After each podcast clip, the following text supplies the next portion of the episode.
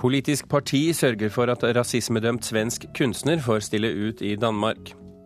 Artister og musikere blir redusert til kjendiser og privatpersoner i medias jakt på personlige historier, mener musikkviter. Han møter en kulturredaktør og en ringrev i platebransjen til debatt. Og norsk orgelprodusent må lage møbler i tillegg for å overleve. Norske orgler selger ikke. Vi skal også anmelde det nye albumet til Onkel P og slektningene litt ute i sendingen. Du hører på Kulturnytt med Birger Kolsrud Aasund i studio. Det politiske partiet Dansk Folkeparti sørger for at utstillingen til den kontroversielle svenske kunstneren Dan Park blir vist i Danmark. Park er tidligere dømt for rasisme i hjemlandet, og i forrige uke ble det protestert heftig her i Norge mot at kunstneren Lars Wilks skulle få holde et foredrag om Park i Deichmanske bibliotek. Den danske galleristen som egentlig skulle hatt utstilt de ni verkene som ble forbudt i Sverige, han trakk seg etter trusler og hærverk. Og her er glassmesteren fra Teipus. Så det kommer til å koste litt å få nytt vindu? Ja, omkring 40 000. Kunstneren og galleristen Christian von Hornslett syner utstillingsvinduene i galleriet hans i Bredegade i København. Det er dekka av treplate og gul plastikkteip. Sist veke knuste demonstranter ruta og ødela for rundt 300 000 kroner inne i galleriet hans. Og så tenker jeg OK, vi er nødt til å flytte, stoppe det. Det er ikke det verdt å risikere øh, at det skulle, være, skulle ske noe med mine barn. Hornslett skulle utstille ni verk av den kontroversielle svenske kunstneren Dan Park, men trakk seg pga. innbrudd og dødstrusler. Verka, ei blanding av tegninger, foto og tekst, refererer til afroamerikanske mennesker eller sigøynere. De virker umiddelbart rasistiske, med mindre en leser dem som en ironisk kommentar. Hornslett er sjøl en kunstner som liker å provosere, men mener prosessen kjørte av sporet. Jeg mener ikke verkene er rasistiske, men de handler om, de handler om rasisme. Om berøringsangst og hykleri i Sverige omkring kunst. Billederne er meget grove. Jeg vet ikke om jeg vil kalle det kunst. Det er måske snarere politisk satire. Det er Trykkefrihetsselskapet som står for den parkutstillinga. De fikk et problem sist veke da Hornslett trakk seg. Da steppa Dansk Folkeparti inn og husa ferniseringa på Kristiansborg. Folketingsmedlem Alex Arensen fra Dansk Folkeparti innrømmer at verka er det han kaller grove. Og For at vi overhodet kan tale om dem, så er det jo viktig at de blir vist. Åtte av de ni den Park-verka skal destrueres, og det er de for kopier som blir vist i Danmark. Men Arendsen mener folk skal se dem innan de kan begynne å kommentere på dem. Gi foreningen Trykkefrihetsselskapet leilighet til å bruke deres frihet. Men andre danske kunstnere som Jens Galskjøtt sier Dansk Folkeparti støtter det han kaller høyreorientert propaganda, og sier Dan Park-verka minner om nazistene sitt jødehat på 30-tallet. I Danmark har vi heldigvis stadig friheten og modet til å vise dem. Ikke alle. De viser Jens Galskjøts uttalelser. Men Arensen mener Dan Park-verka er en ironisk kommentar på det politisk korrekte Sverige, og han mener Park er en modig kunstner. Han er heller ikke enig i Galschütz sin kritikk av at Dansk Folkeparti kun støtter Park fordi de er enig i budskapen. Så det handler ikke om enighet, det handler om at vi står vakt om friheten til å si de ting vi tror på. Denne veka blir Dan Park utstilt i en kjeller på Østerbro som Trykkefrihetsselskapet har funnet, selv om eierforeninga prøvde å stoppe det i ellevte time. Her vil både Politiets efterretningstjeneste PET og overvåkningskamera sørge for tryggheten, og protester som ved Borgen sist veke er venta. Hornslett på sin side holder fast i sin kritikk av Sverige. Jeg vet jeg har rett i å forsvare mot fengsling og avbrenning av kunst i Skandinavien. Det gjør man ikke. Reporter i København, det er Tove Renspissøy Gerhardsen.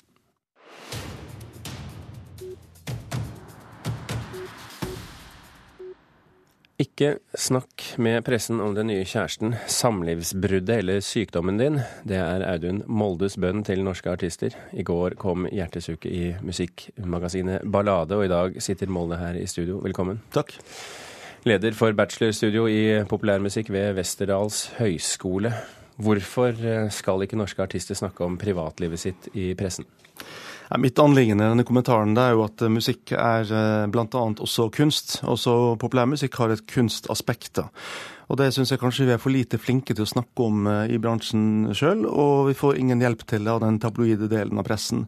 Der ser vi gang på gang at kunsten blir redusert til å handle om privatlivet. Kunstneren blir behandla som en kjendis. Og en sang skal alltid handle om noe. Og den handler om da, er jo en del av det kunstneriske produktet, nemlig ordene i teksten, eller tittelen. Og det skal da på død og liv relateres til artistens privatliv. Og Da får du sånne saker som når en av Norges største kunstnere innenfor popmusikken, etter min mening, da, Susanne Sundfør, f.eks. kommer med en ny plate eh, som heter Ten Love Songs, så er da vinklingen Susanne Sundfør synger om samlivsbrudd. Og det er jo en herlig sammenstilling av bokstavrim. Men det er mange andre musikalske og litterære virkemidler i det som Susanne Sundfør driver med også, som jeg syns går helt glipp i en, en sånn banalisering som jeg mener det er. Men er det en banalisering bare fordi det er privat? Ja, jeg tror det er en banalisering fordi at vi på en måte glemmer å se verdien i musikken uh, for det den, den, er i seg sjøl, og at de bildene som den kan skape inn i hodet på, på deg og meg som lyttere uh, Hvis man skal ha et sånt fasitsvar til enhver tid og knytte alt opp mot Alt blir kjendiseri. Geir Ramnefjell, kulturredaktør i Dagbladet. Bør dere i Dagbladet bli mer restriktive med å bruke artisters privatliv i dekningen av musikken?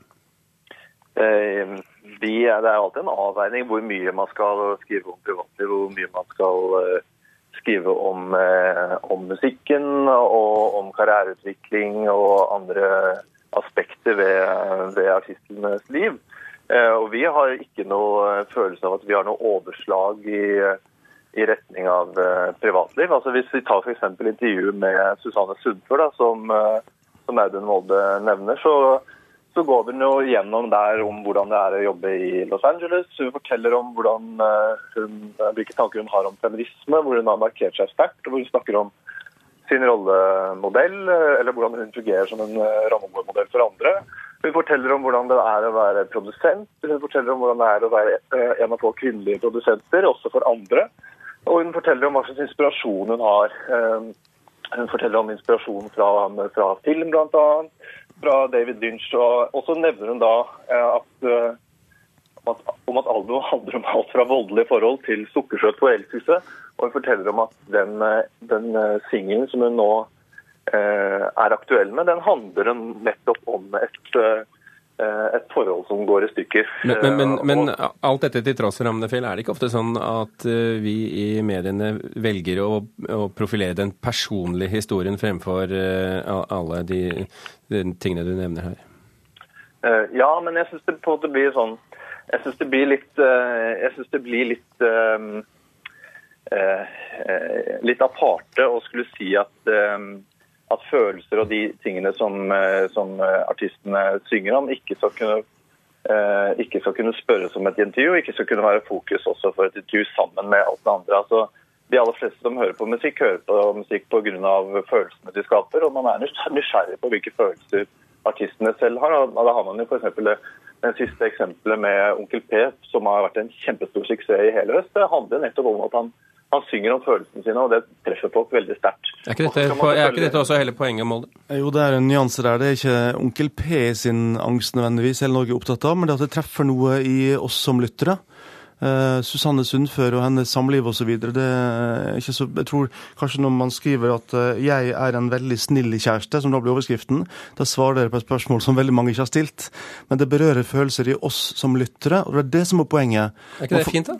Jo, det er kjempefint, men det forflates når media bare skriver om historien til artisten og kommer med et fasitsvar på hva dette handler om. Det er jo det jeg forteller at vi gjør ikke, vi ser ikke bare om om, eh, om, eh, følelsene og om personproblemene eller personlige utfordringene til artisten. Vi skriver om, vi skriver om eh, artistens karriere. Vi, vi dekker vi dekker musikk i et stort spenn av, eh, av, eh, av felter. De ja. eh, vi... Ramnefjell, du kan dessverre ikke se at jeg sitter og vinker her fordi, fordi, at du er på telefon. Vi har også en mann til med i studio her, nemlig Jørn Dahlshow, platedirektør i Daworks, også for øvrig kollega av Molde på Westerdals.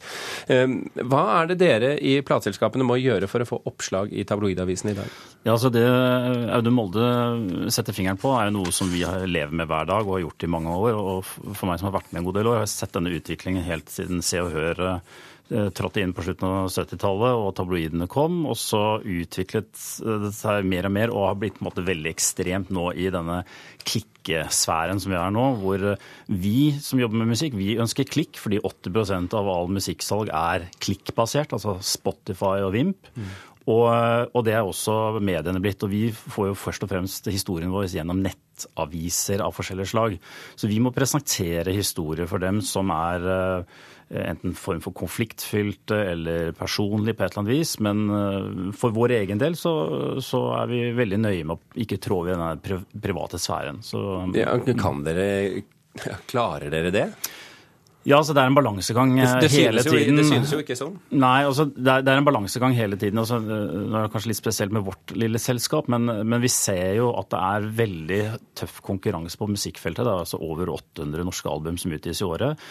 Og det er nok mange uerfarne eh, med, i forhold til mediehåndtering der ute som jobber i musikkbransjen, også på artistsiden, som, eh, som, kanskje i større grad burde beskyttes mot seg selv og ikke gå ut med en del historier som, eh, som de dessverre gjør. Men, men, er det altså også plateselskapenes skyld, da, i gåsetegn, for å, for å tenke sånn som Molde gjør her, at personfokuset blir så sterkt på artistene? Ja, altså det, er, det, er, rett og slett den veien det har gått. For at vi skal få et oppslag, så trenger vi å presentere Eh, et eller annet som de tror de kan få klikk på, rett og slett. Altså i, i nett, de nettbaserte eh, mediene. Mm. Så, så, men det er det å ikke gå over altså i den private sfæren. Rett og slett å bruke musikken og låtene for å fremheve det personlige. Måte. Mm, ja, helt enig. Og musikken og låtene overlever ofte kjendisen og historien og lever sitt eget liv. Jeg har lyst til å nevne eh, Elvis Costello, som også skriver om i, i min artikkel. Han ble spurt om sin gjennombruddslåt 'Alison'. Hvem er Alison? spurte journalisten. Så svarer Costello at at eh, ja, det vet jeg, men jeg vil ikke fortelle det til deg. For jeg har skrevet sangen for at du skal få bilder inn i hodet ditt. Ellison kan være hvem som helst for millioner av lyttere rundt i verden. Og det syns jeg kanskje er litt til inspirasjon for også hvordan norske artister kan unngå å gå den her eh, man må selge sykdom og samlivsbrudd og skilsmisse mm. for å synge om følelser. Da. Er det en balansegang Ravnefjell, eh, mot det der å, å, forsøke som, som, journalist å gjøre musikken mer spennende, øh, og kanskje da gå over grensen og banalisere det isteden? Altså, det, er jo, det er jo stor sjanse for å banalisere omtrent alt innenfor journalistikken hvis man ønsker det. Men i hvert fall våre vurderinger som, som kulturavis i Dagbladet er at de Eh, artistene vi velger, og kanskje særlig Susanne Sundbør, da, eh, de velger vi ut fra eh, kunstnerisk kvalitet.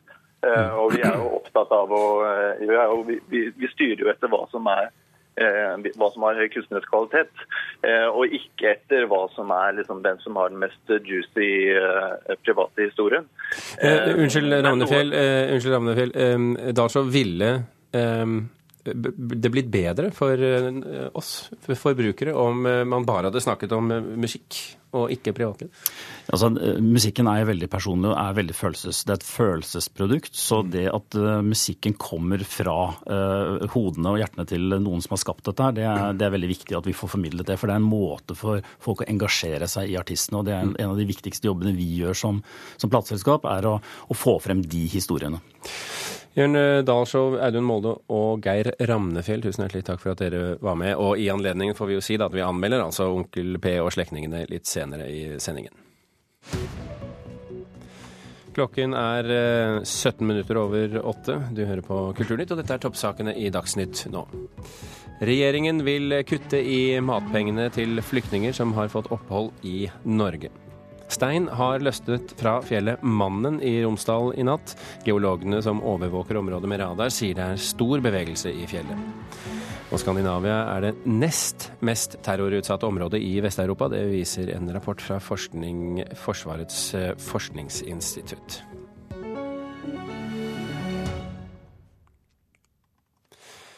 Arrangementet Årlig audition kan være en vei inn i skuespilleryrket for mange unge skuespillere.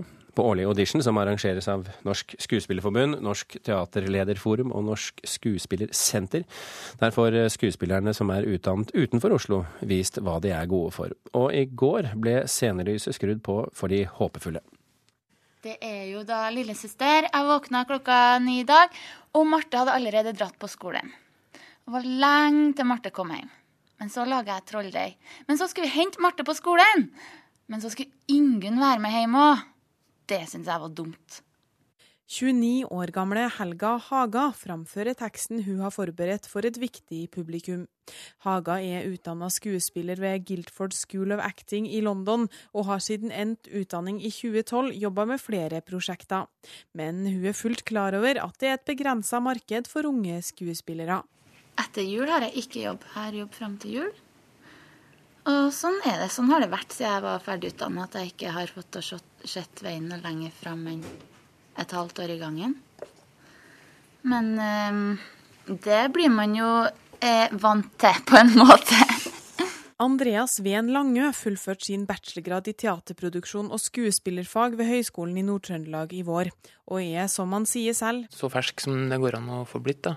Men han går nå egne veier for å få jobb, og holder for tida på med sin egenproduserte forestilling. Så nå er det premiere i i desember. På egen oppsetning. Skrevet manus og tjokka til hele greia sjøl. Det er ikke noe som kommer rekende på ei fjøl, skulle jeg si. Det, noen ganger så gjør det det, og så er man kjempetakknemlig for det. og Så varer det kanskje et halvt år, og så må man dreie på videre. Jeg syns at nivået er blitt, uh, blitt ganske bra. Sier Carl Morten Amundsen, som er sjefdramaturg ved Det Norske Teatret. Han mener det er mye å ta av på en audition som denne. Helt tydelig at det er der er mange som har utdannelse, og som, som er ganske gode. Sånn at eh, jobben er, er blitt enda vanskeligere. Å, å foreta si, rettferdige bedømmelser, da, på en måte. De kommer jo med livene sine i, i hendene og vil, vil, gjerne arbeide. Men det er mye som skal klaffe, og det på kort tid. De har fire minutter, så det er veldig vanskelig å, å å, å, vite. Så man kan plukke Man kan si at den og den var kanskje interessant, og så må man kanskje prøve å finne ut litt mer. Men det er jo ingen som får jobb på, på fire minutters uh, visning. Knut Alfsen er nestleder i Norsk Skuespillerforbund, som er med å arrangere årlig audition. Han ser et større og større behov for en audition av denne typen. Det kommer stadig uh, nye unge mennesker som gjerne vil bli skuespillere. Og det er jo rimelig at de får en sjanse til å vise hva de eh, kan tilby. Og det har ellers vært en utfordring. Så det var årsaken til at vi startet dette samme eh, teaterlederforum. At eh, det skulle være en måte for både for lederne for teatrene å se hvem som kommer, og skaffe seg en oversikt. Men selvfølgelig også for de unge skuespillerne å kunne vise hva de står for i bransjen. Det er altså mange om beinet og vanskelig å ane hva resultatet blir, men skal vi tro Haga, kan det se lyst ut. Du, det var jo bitte, bitte litt spredt humring, så jeg må si meg fornøyd. Reporter her, det var Runa Rød. Og nå til Onkel P og slektningene. Føles som jeg er i helvete, styggen på ryggen har blitt en av mine nærmeste. På skulderen min og binder meg på, jævla skeis der livet mitt går jeg er redd. Når styggen på ryggen er han jeg prater med mest. Og på skulderen min og sier at jeg kommer ingen vei her i livet. Ja, dette er altså Onkel P, hiphoperen som opprinnelig er fra Lillehammer. Har eh, jo virkelig slått igjennom denne høsten, og mye pga. Uh, sin personlige historie om usikkerhet og angst, som vi snakket om her nå nylig i Kulturnytt. Han skal dessuten være med på TV 2-programmet Hver gang vi møtes på nyåret, og nå er han og bandet De fjerne slektningene ute med rockealbumet Slekta 2. Ali Sofi fra P3, er dette et album du har sett eh, frem mot med spenning? Ja, jeg har vært veldig spent på hva motvekten til Styggen på ryggen er. Så det er gøy. De pumper ut album. For dette er jo, eh, selv om vi kjenner ham fra Dirty Oppland og, og Janni og Onkel P, så, så, er altså dette en utgivelse som tanger mer mot rocken. Eh, slektningen er jo rockebandet hans på sett og vis. Fungerer han godt også som rockemusiker? Ja, heldigvis. Eh, det er jo den mest kleineste fusjonen du kan finne. Rap møter rock eller vice versa. Men utrolig nok så får de, disse gutta her det til, da. Det er jo et fåtall band som gjør det der. Uh, og det er veldig gøy at det er norsk i tillegg. Men her er det jo ikke bare eh, rock og hiphop. Det er uh, rappen og reggae eller ska, alt ettersom. Og en del andre sjangre som mikses inn, er en god kombinasjon. Ja, det er jo en del av inspirasjonen fra Oslo S. Har jo drevet en del med de reggae-ska-influerte greiene. Som de tar med videre. Um, og når du hører på Slekta 2, så er det liksom blanding av klassisk Onkel P-materiale og klassisk uh, Oslo S-materiale. Altså uh, jovialitet, livsglede, fylla, bakrusen etc. Uh, samtidig som du har den derre supermonsterhiten midt i mølja på ni spor. Mm. Vi skal få høre et, et, annet eksempel her. Det er Pust.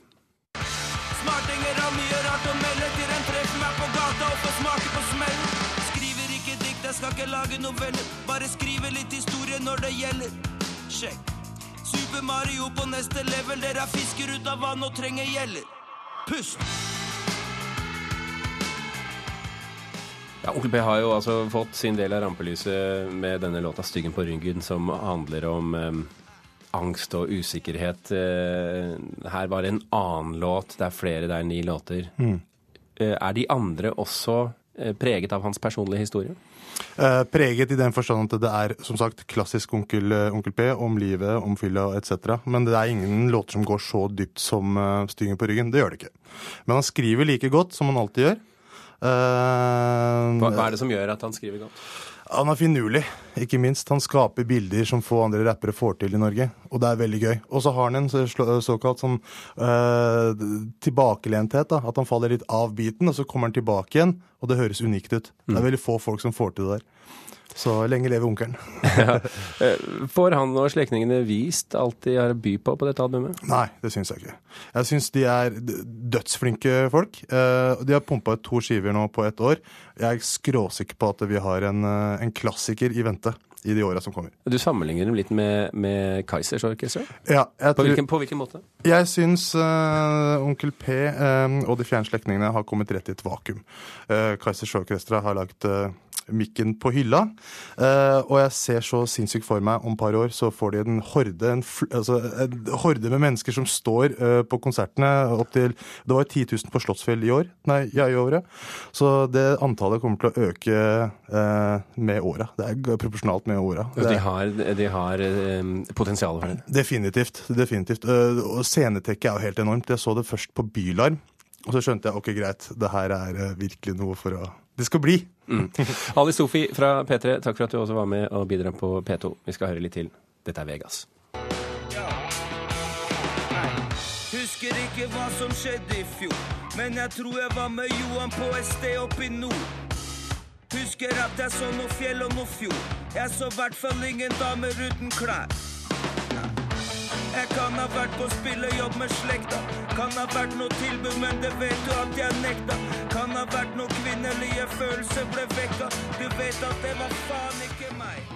Vegas, Onkel P og, og, de fjerne slektningene. Vi skal til den andre enden av den musikalske skalaen. Eh, de fleste nye orgler som lages i Norge, lages nemlig av utenlandske selskaper. En av landets største orgelprodusenter har redusert staben sin fra 16 til 10 og begynt å produsere møbler i tillegg for å overleve.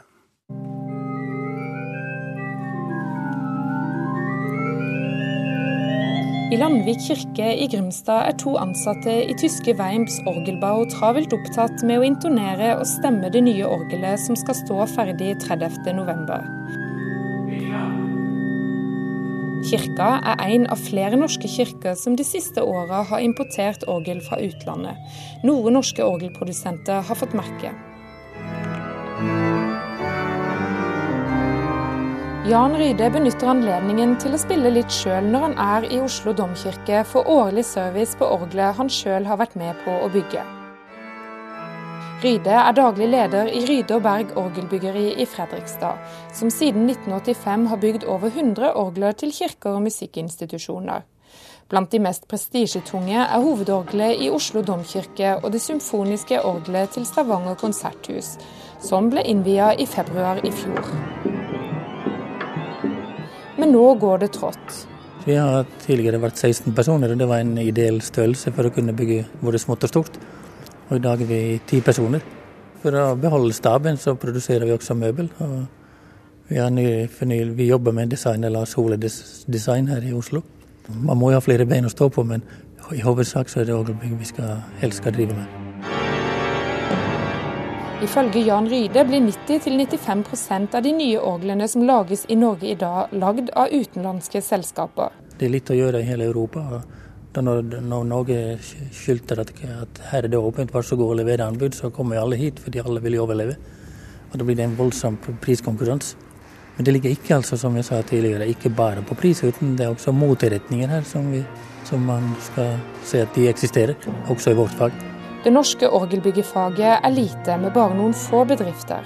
Nei, altså hvis vi ikke får noe nytt oppdrag i løpet av 2015, så begynner vi å få panikk. Nils Harald Torkelsen i Norges eldste orgelbyggeri, Brødrene Torkelsen i Åsen i Nord-Trøndelag, sier de også merker konkurransen fra utlandet.